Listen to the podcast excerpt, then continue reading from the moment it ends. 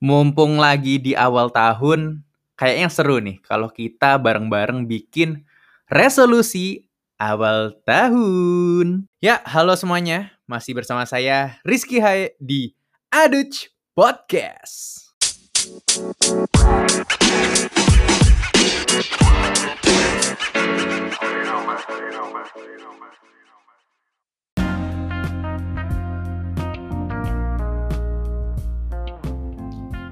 Ya teman-teman, mumpung masih di awal tahun nih, masih di bulan Februari, rasanya belum telat ya untuk kita membuat yang namanya resolusi awal tahun.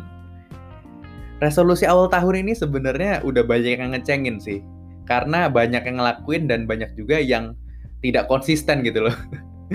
banyak target-target yang sebenarnya nggak terachieve gitu loh di akhir tahunnya. Cuman menurutku ini salah satu hal yang vital karena berkaca dari tahun 2020 ya Allah. Di tahun 2020 tuh kan tahun-tahun yang sungguh tidak ada kepastian akan kehidupan ya. Sangat aneh banget berjalannya kayak waktu cepet banget, ada pandemi di rumah aja, pekerjaan jadi terbelenggu, yang mau sekolah jadi bingung lanjutin sekolah apa kagak, yang mau kerja juga bingung lamar apa enggak. Kayak beber tahun penuh kebingungan 2020 ini karena berkaca dari tahun 2020 saya sendiri nggak tahu hidup saya mau diarahin ke mana dan membuat saya sendiri stres sama hidup saya anjir hidup gue apa sih? Hidup ini buat apa sih? Jadi ya kayaknya hal yang bisa dilakukan untuk mengatasi itu semua adalah dengan cara membuat resolusi awal tahun. Supaya hidupnya punya path gitu loh punya jalur paling nggak gitu loh. Gue tahun ini bakal ngapain bakal ngapain itu harus harus ada ininya lah harus ada bayangannya lah. Gue nggak mau sih melewati tahun ini begitu aja. Kayak gue melewati tahun 2020 oleh karena itu ya saya ngajak teman-teman sekalian sih terutama yang ngedengerin podcastku mungkin bisa apa terinspirasi. Ah, asik terinspirasi. Mungkin sama-sama lah sama-sama sharing. Gimana sih cara membuat target atau goals resolusi awal tahun di tahun ini? Supaya tahun ini nggak berjalan gitu-gitu aja gitu dan lewat gitu aja. Sayang bos. Waktu itu adalah suatu hal yang nggak bisa lo tarik kembali gitu. Jadi ya semoga aja ya bisa berhasil. Nah dalam membuat target-target dan juga goals ternyata tidak sesimpel itu. Balik lagi berkaca dari tahun-tahun sebelumnya. Aku masih inget nih di tahun 2018 goalsku tuh cuman gini. Wah gila tahun ini gue lulus dokter pengen liburan ke Jepang, nonton Asian Games, sama nggak mau mikir, pokoknya pengen hura-hura. Sumpah gue inget banget tuh statement-statement itu.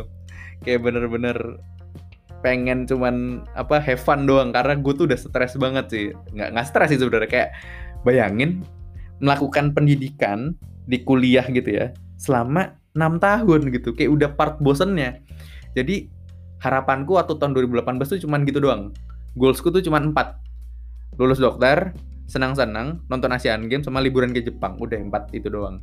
Rada kocak sih. Sampai akhirnya di tahun berikutnya mulai improve lagi mulai dicatat di laptop dicatat di kertas apa yang harus dilakukan. Tahun berikutnya 2020 sebenarnya sudah ada jalannya.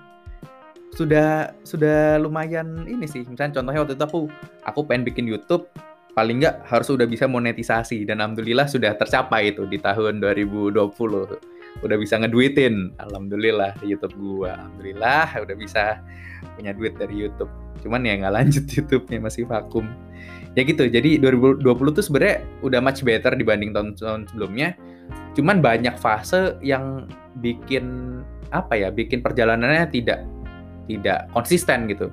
Sampai akhirnya tidak maksimal. Oleh karena itu karena di tahun-tahun sebelumnya tidak maksimal saya pengen nih di tahun 2021 ini paling nggak aku membuat goals atau membuat resolusi yang tidak seabstrak tonton sebelumnya.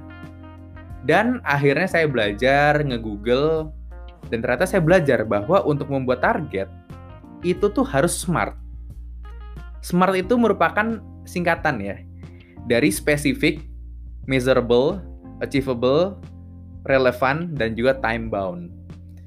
Dan ini akan aku bahas satu persatu setelah ini Contohnya adalah aku tuh kalau misalnya bikin target selalu aku kasih main mapnya dulu. Mind mapku adalah aku pengen membuat target secara jasmani, rohani, dan juga self improvement. Contohnya adalah aku kasih contoh yang jasmani. Aku tuh pengen 2020 ini hidupku lebih sehat lagi.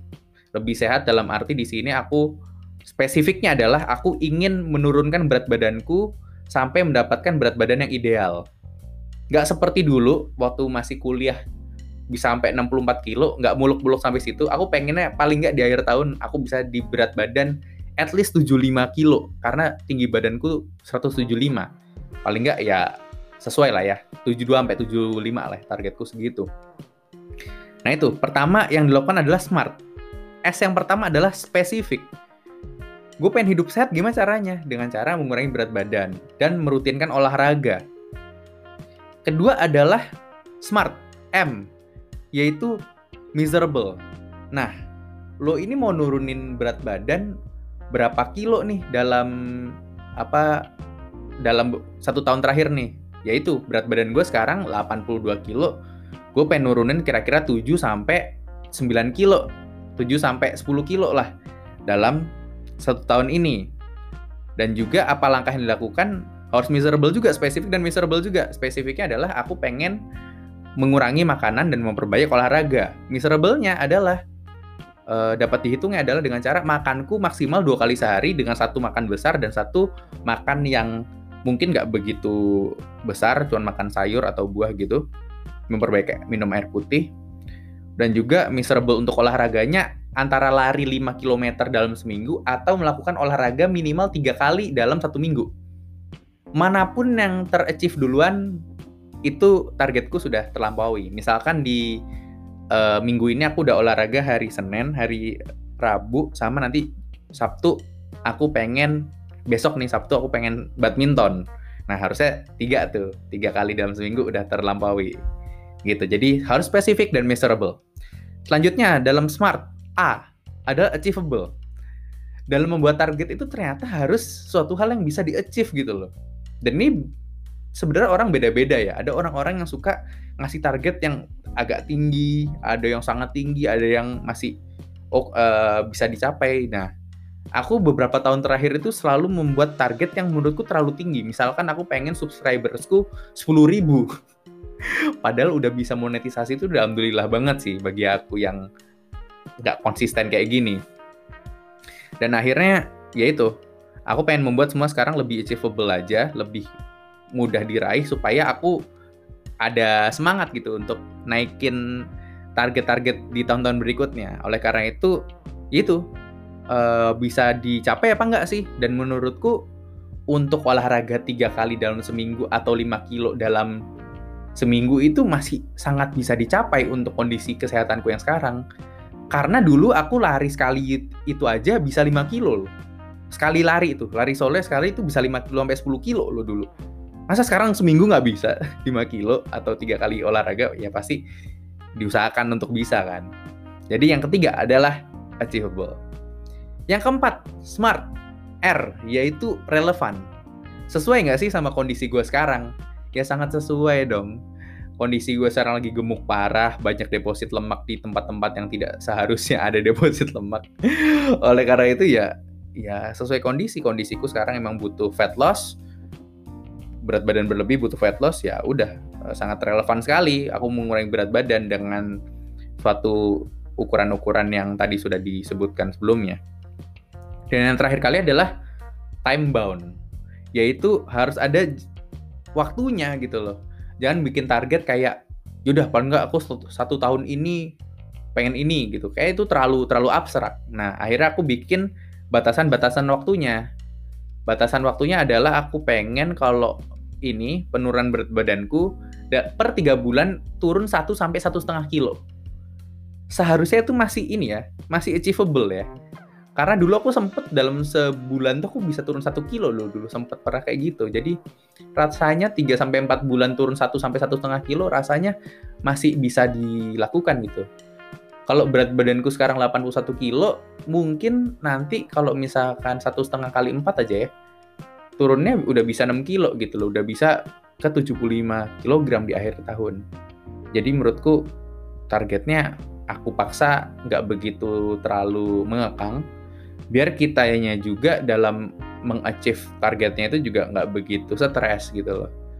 Dan sebenarnya dalam membuat goals ini juga ya tiap orang beda-beda. Kalau menurutku sih aku lebih suka dengan hal-hal yang masih bisa dikejar gitu loh. Biar aku nggak kehilangan semangat karena aku orangnya sangat tidak konsisten gitu jadi ya supaya tetap semangat dikasih target yang rendah-rendah dulu mungkin kayak gitu sih Target dan goals harus dilakukan secara smart, spesifik, measurable, achievable, relevan, dan juga time bound.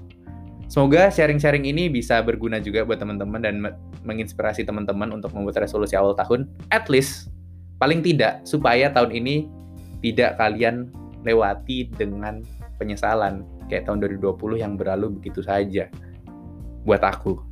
Dan sesuatu yang berlewat begitu aja selain bikin kecewa juga bisa bikin stres. Karena kita kehilangan yang namanya aktualisasi diri. Kita kehilangan yang namanya self esteem sehingga kayak anjir gue hidup nih ngapain? gitu. Paling nggak buat aku sendiri itu lumayan stressful sih ketika aku tidak bisa melakukan hal yang bisa aku lakukan mungkin segitu saja terima kasih sudah mendengarkan podcast Aduch Podcast yang paling lama sampai 12 menitan nih sepertinya Semoga teman-teman selalu diberikan kesehatan dan terus dengerin Aduts Podcast. Sampai jumpa di pengalaman keluh kesah berikutnya di episode-episode mendatang. Saya Rizky Haye. Dadah.